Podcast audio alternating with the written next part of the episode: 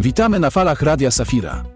Mamy środę 21 czerwca, a do końca roku pozostało 193 dni. Dzisiaj przesilenie letnie oraz najdłuższy dzień roku. W Polsce obchodzimy Dzień Przedsiębiorcy, a także Światowy Dzień Deskorolki. Kalejdoskop historyczny.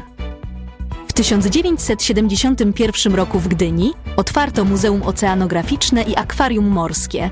Natomiast w 1966 roku odbyła się premiera amerykańskiego dramatu filmowego. Kto się boi Virginia Woolf w reżyserii Mike'a Nicholsa. Kalendarz urodzinowy. W 1892 roku urodził się Reinhold Niebuhr, amerykański duchowny ewangelicki, teolog i filozof kultury. Niebuhr jest autorem modlitwy o pogodę ducha, stanowiącej integralną część spotkań anonimowych alkoholików.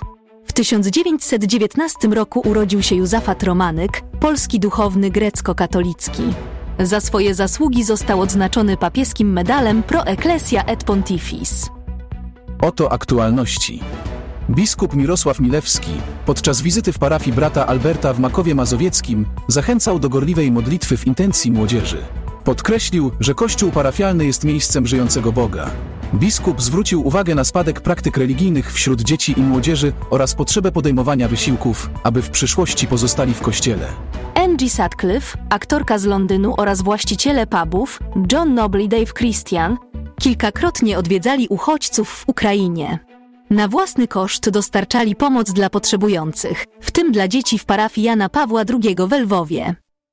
Zakończył się rok akademicki w prawosławnym seminarium duchownym w Warszawie. Rektor Jerzy Tofiluk podkreślił znaczenie i istotę powołania. Uroczystość zakończyła się wręczaniem dyplomów i wspólną agapą. Adwentystyczne szkoły w Peru odnotowują wzrost liczby uczniów.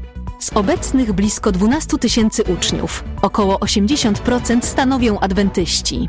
Szkoły oferują edukację opartą na wartościach chrześcijańskich i zdrowym sposobie życia. Kardynał George Allen Henry prosi papieża o interwencję w konflikcie w kościele syromalabarskim.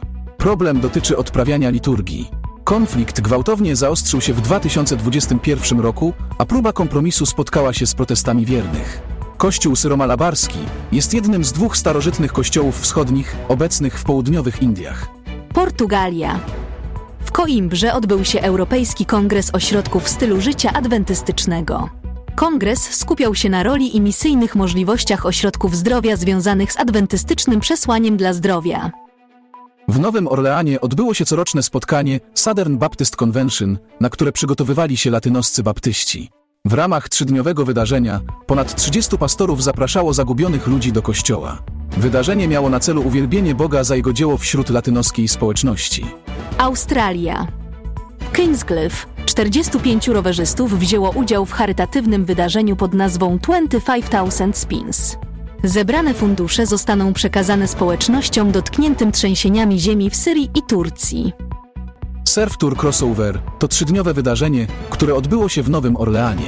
Organizatorem była baptystyczna North American Mission Board. Organizacja postawiła sobie zadanie założenie 300 kościołów nieanglojęzycznych i cel ten został osiągnięty. Nauczyciel fizyki z Kenii, Paul Waweru, przekształca zużyte baterie laptopów w napęd dla rowerów elektrycznych. Jego firma o nazwie Ecomobilus cieszy się dużą popularnością, a rowery są ulubionym środkiem transportu kurierów. Ta ekologiczna alternatywa przyczynia się do zmniejszenia zanieczyszczenia powietrza w afrykańskich miastach. Pani Tekla to najstarsza Polka. Niedawno obchodziła 114 urodziny. Mieszkanka Gliwic jest trzecią najstarszą osobą w Europie i ósmą na świecie. Przeżyła dwie wojny światowe i widziała wiele przemian historycznych. Mimo wieku jest nadal sprawna i pełna życiowej energii. Do 103 roku życia była samodzielna, a teraz opiekuje się nią rodzina. Jej długowieczność to wynik dobrych genów, zdrowego trybu życia i radosnego usposobienia. Słuchacie Radia Safira. To wszystko w serwisie informacyjnym. Niech nam wszystkim Bóg błogosławi.